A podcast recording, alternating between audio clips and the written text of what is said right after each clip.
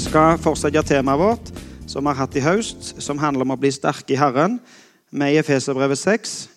Eh, vi har lest eh, de ti versene som vi har som tema, eh, tror jeg, til hvert møte. Nå har jeg pittet ut fire. Så hvis du åpner møtefolderen, så ser du at vi skal lese fra Efeserbrevet 6, vers 10 og 11. Og så skal vi lese vers 14 og 15 til å begynne med. Der står Til slutt, bli sterke i Herren, i Hans veldige kraft. Ta på Guds fulle rustning, så dere kan stå dere mot djevelens listige knep. Stå da fast, spenn sannhetens belte rundt livet, og kle dere i rettferdighetens brynje. Stå klar med fredens evangelium som sko på føttene. Nå har vi jo snakket om denne rustningen på en del møter. Eh, og dette bildet som Bibelen bruker, og som Bibelen gir oss her, om hvordan vi skal bli sterke i Herren. Og så tar eh, teksten fram forskjellige eh, deler av denne rustningen, og så blir det brukt som bilder på hvordan vi kan være sterke. Og den utrustningen som vi får for å være sterke i Herren. Og at vi kan bli stående etter å ha overvunnet alt, står det. En rustning er jo da noe som blir brukt av soldater i, i kamp. og Derfor så blir livet vårt her sammenligna med en kamp. Og Sånn som soldatene trenger en rustning for å kjempe kampen, så trenger vi en utrustning for å leve livet vårt. For å leve kristenlivet vårt. Da har Vi jo snakket om belte, vi har snakket om sverd, vi har snakket om brynje og alt det der som hører med til en rustning. Og Det er jo klart det er jo litt fjernt for oss da, å tenke på en rustning. Det er ikke hver dag vi ser en soldat i rustning. Det var nok litt mer aktuelt for deg som, eh, som mottok brevet, og som, som, kanskje så eh, rustninger og den, den utrustningen litt mer eh, enn vi ser det her til vanlig. Men nå har vi kommet til sko. Og sko vet vi i alle fall hva er. Og Hvis dere får spørsmålet om, om hvorfor det er viktig med sko, eller hvorfor har en sko på seg, så vil alle kunne svare på det.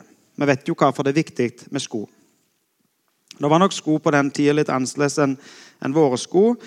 Og de eh, som levde der som de leste brev i Efesus, de hadde nok eh, andre skal du si, Det var andre grunner til at de brukte sko.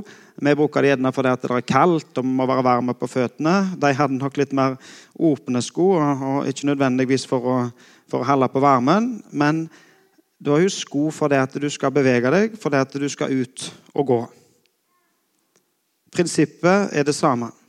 Du må ha noe på føttene, og du må ha noe på føttene som, som, som er etter forholdene. Der. Hva skal du i, i, dag? Hva skal du nå? Hvorfor tar du på deg sko, og hva er formålet eh, med å ta på deg skoene dine? Dere kommer gjerne på han, han kenyaneren eh, som heter Eliud Kipchoke, heter han visstnok. Han, eh, han, eh, for noen uker siden så skulle han gjøre et rekordforsøk eller han gjorde et rekordforsøk og klarte det for så vidt også, da, på å springe maraton på under to timer. Det er jo helt utrolig fort, egentlig.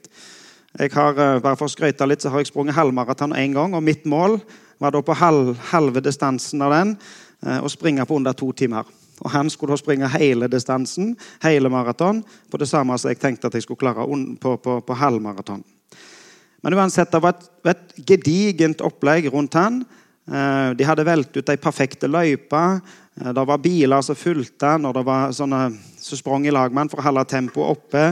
Eh, han hadde væske og næring og, you name it, sånn, som skulle sørge for at han skulle klare dette rekordforsøket.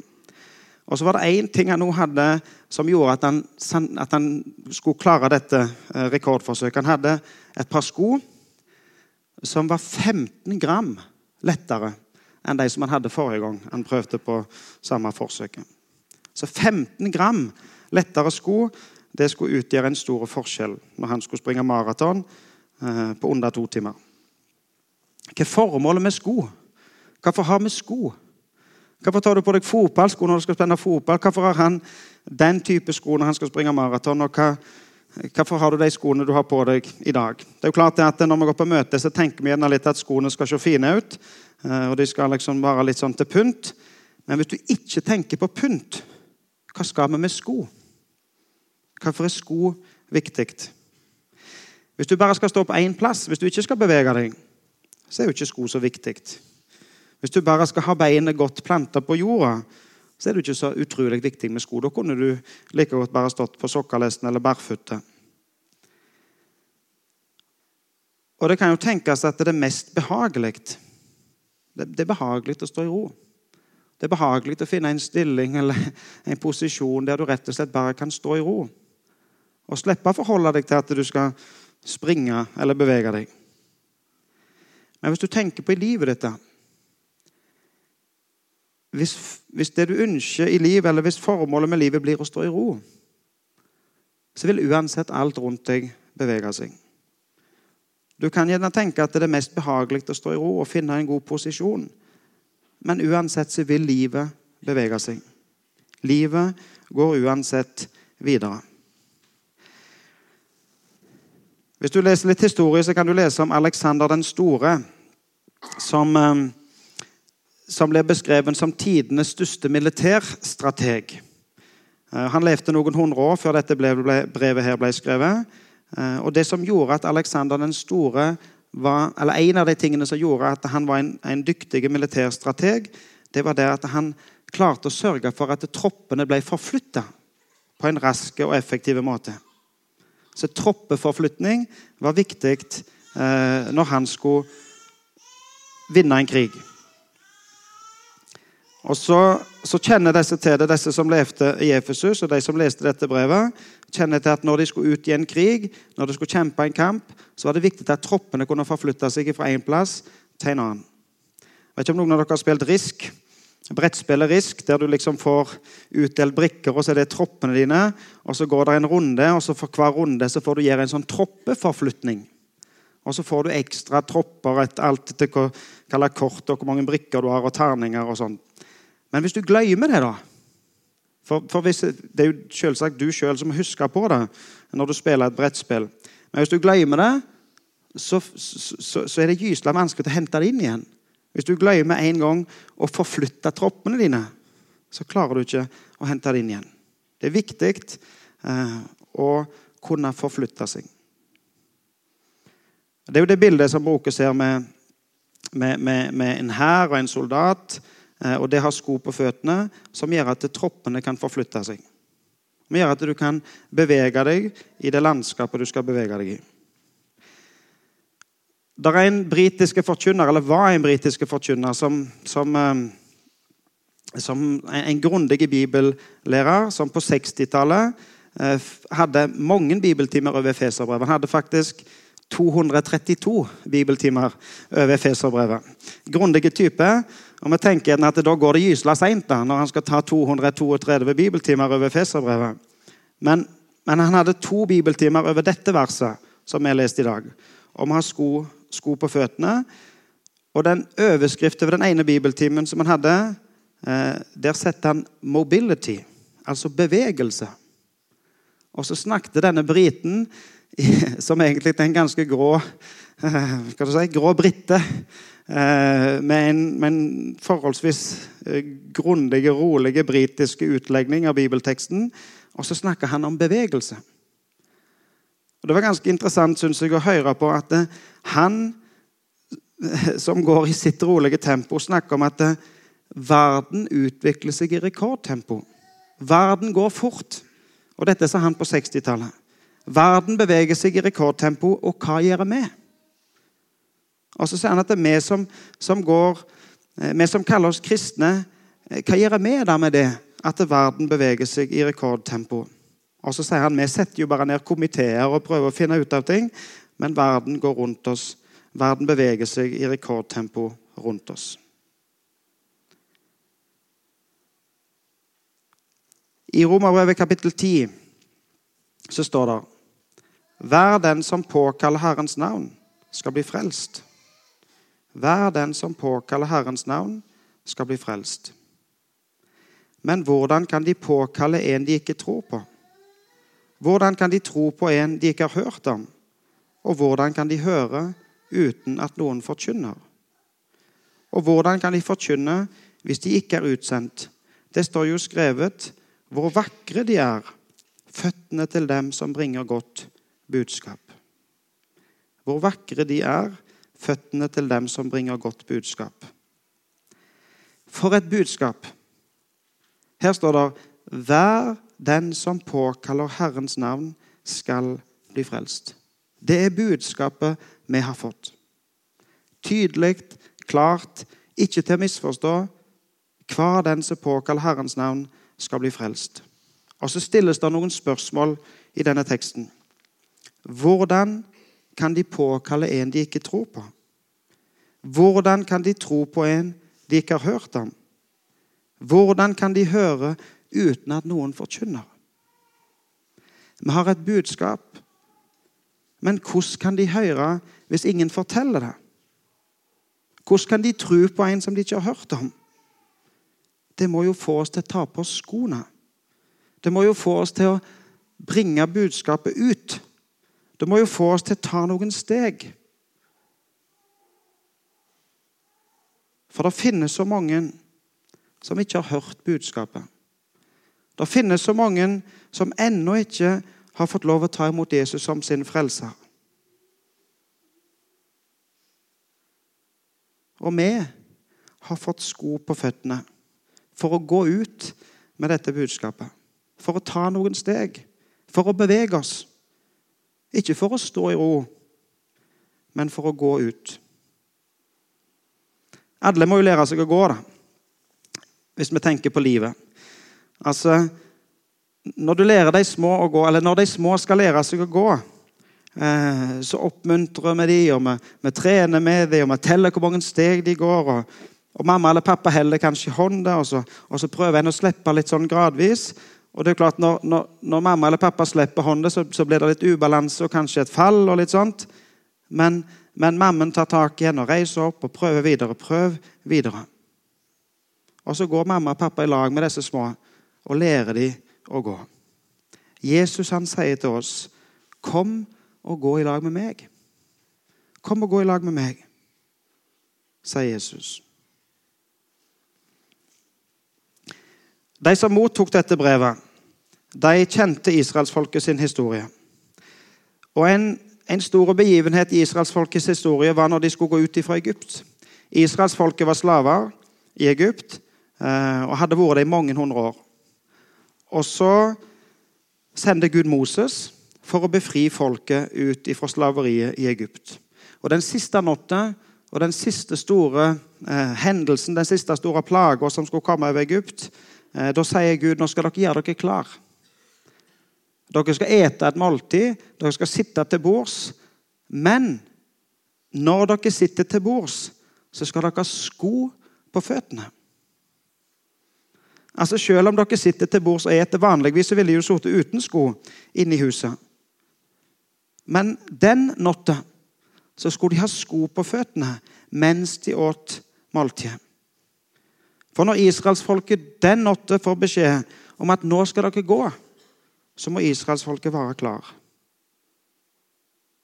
Være klar når beskjeden kommer. Jesus forteller en historie i Nytestamentet om ti brudepiker. Om ti brudepiker som alle venter på at brudgommen skal komme, at bryllupsfesten skal, skal starte. Um, og De ti brudepikene må ha lamper med seg, sånn at de kan lyse når, når brudgommen kommer.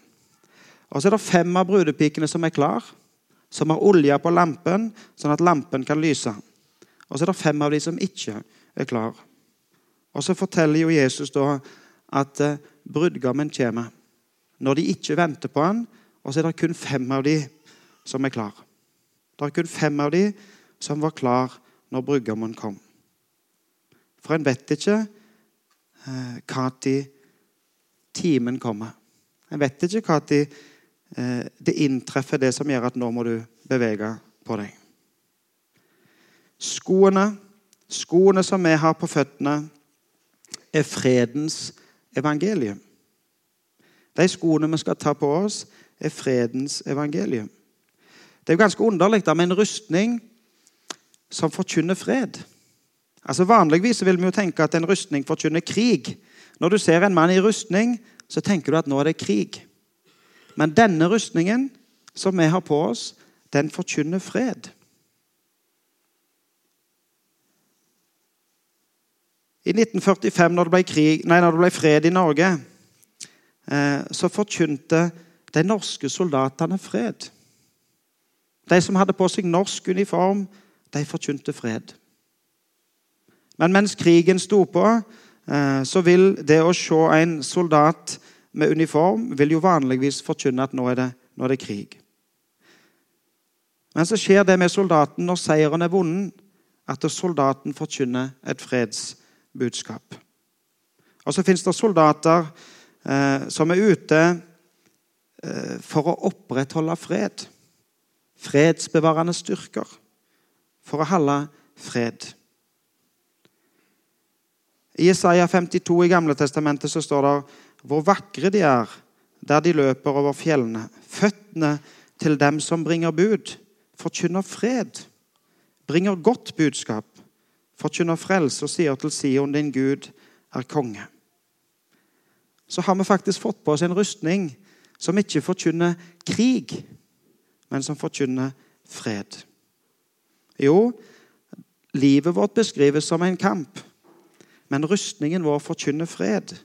Det er et fredsbudskap vi har å gå med. Når Paulus bruker rustningen som bilde, så blir bildet brukt for oss å si at det er mange likhetstrekk, det er mange ting vi kan hente ut av disse bildene. Men så er det jo noe som er ulikt. Altså, Vi har en, en, en annerledes rustning. Vi har en rustning som forkynner fred. Den som bærer rustningen, kommer faktisk med fred. Den som bærer rustningen, kommer ikke mot deg for, for å starte en krig, men for å forkynne budskapet om fred. Vet du, kampen er egentlig vond. Det store slaget har egentlig funnet sted. Og Jesus triumferte over all motstand. Han vant seieren. Han vant slaget. Kampen er slutt. Og han vant seieren for deg. Og seieren er tilgjengelig for deg.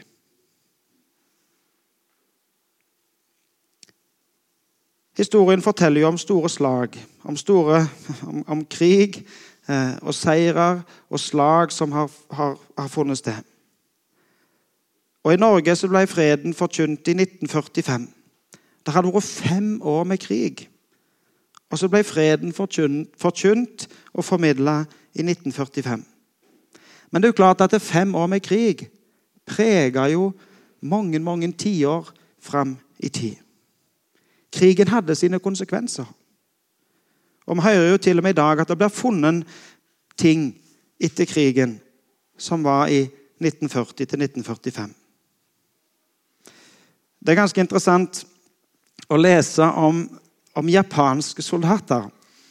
Jeg vet ikke om jeg har hørt om det, men, men, japanske soldater av en eller annen grunn da, så, så, er de ganske skal du si, en, en spesiell type eh, soldater. De er ganske eh, flinke på å holde ordre. Eh, og, og, Det fortelles at det ble funnet japanske soldater eh, lenge etter krigen som fortsatt var ikledd uniform, og som fortsatt tenkte at krigen sto på. Jeg skal lese en liten historie om en som heter ja, han heter, Hvis jeg klarer det rett på japansk, så heter han Hiro Onan, Onon, Onoda. Hiro Onoda. Og Det var en som heter Suzuki, som er japaner, som fant han her karen i 1974. Den 20. februar i 1974 så står det Suzuki skalv i knærne. Løytnant Hiro Onoda holdt et blankpusset gevær mellom hendene og det pekte mot Suzukis hjerte. Hiro Onoda hadde vært på Lobang i 30 år. Og I 1945 hadde en major gitt ham ordre om å holde stand på det indre av øya så lenge som overhodet mulig. Om du så blir nødt til å leve av kokosnøtter, hadde majoren sagt, må du ikke under noen omstendighet trekke deg ut eller overgi deg frivillig. Løytnanten hadde fulgt ordren til punkt og prikke. Da han i 1945 hadde funnet et flygeblad der det sto at krigen var over, hadde han trodd at det var et knep fra fienden for å lokke ham ut av jungelen. Jeg vet at du har kjempet en lang og hard kamp, sa Suzuki der han sto og svettet foran munningen på løytnantens gevær. Men krigen endte i 1945. Vil du bli med meg hjem til Japan? Nei, svarte løytnant Onoda kontant. For meg er krigen ikke forbi. To uker senere ble majoren, som hadde vært Onodas overordnede under krigen, fraktet med fly ut til øya. Majoren erklærte høytidelig at Onoda var fritatt for pliktene sine, og ga ham ordre om å legge ned våpnene. Først da ga løytnanten fra seg sverd og gevær.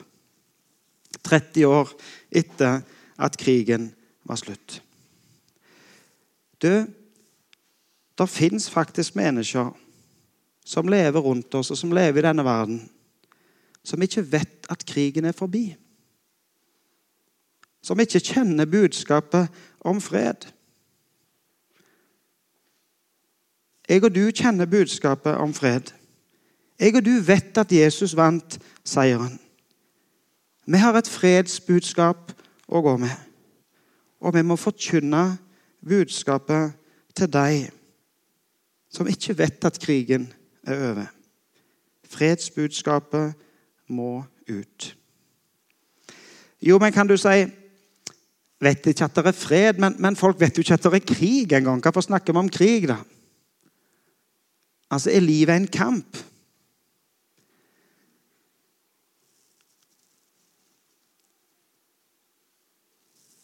Det er underlig å lese om, om, om, plasser i verden der det er krigstilstand. Les om Sør-Sudan. Les om unge menn som lever i Sør-Sudan og ikke er vant med annet enn krig. Altså, De vokste opp med krig, og de er vant med at livet skal faktisk bare være sånn. Og så blir krig en normaltilstand, og så lever de livet sine sånn. Det er på en måte hverdag for dem å leve i en krigstilstand.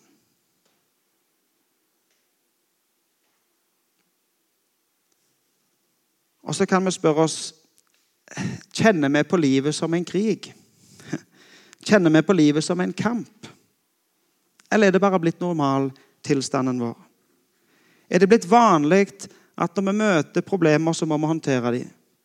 Er det blitt vanlig at når vi eh, møter utfordringer i livet, så finner vi en løsning?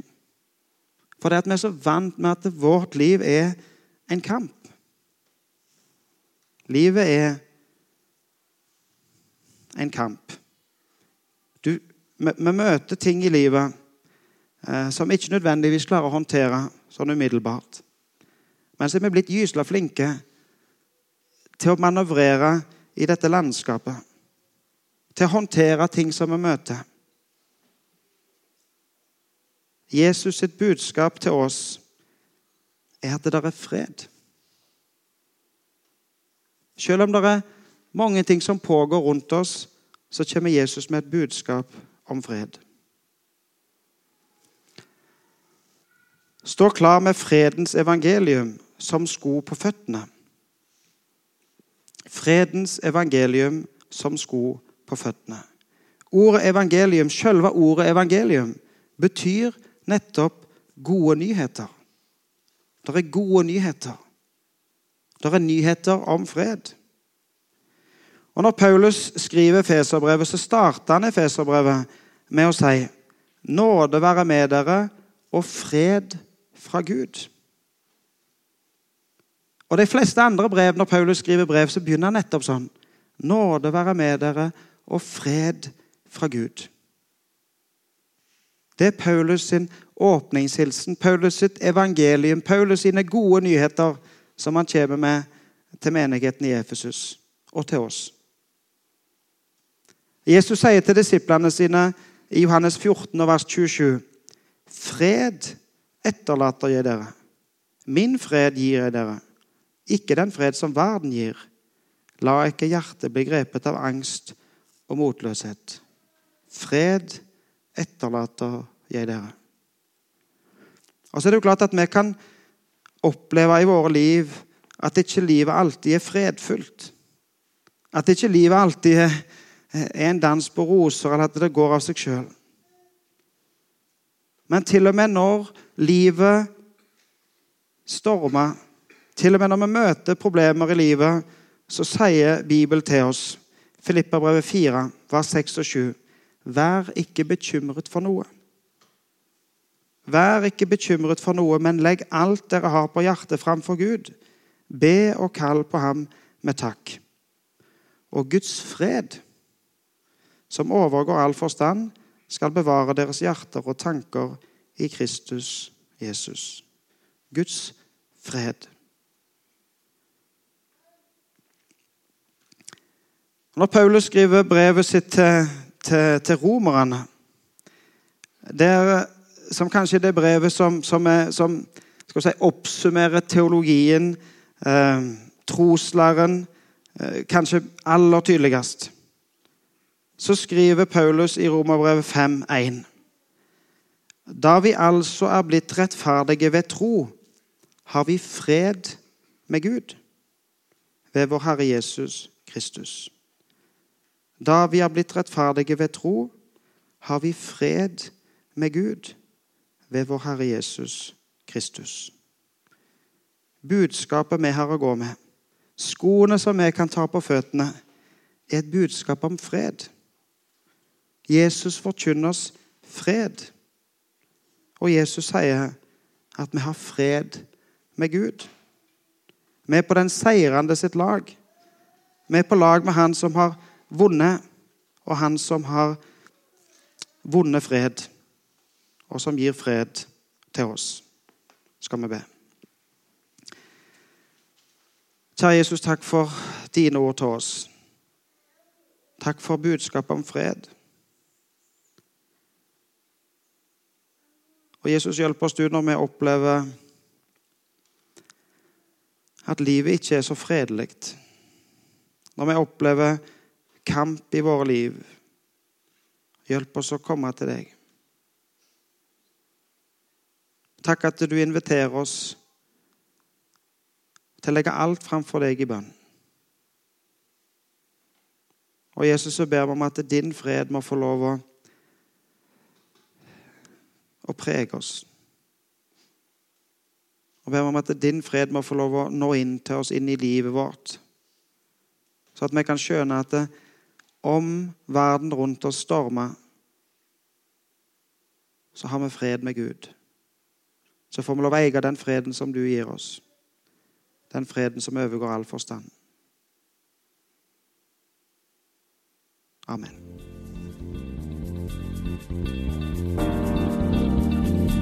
Thank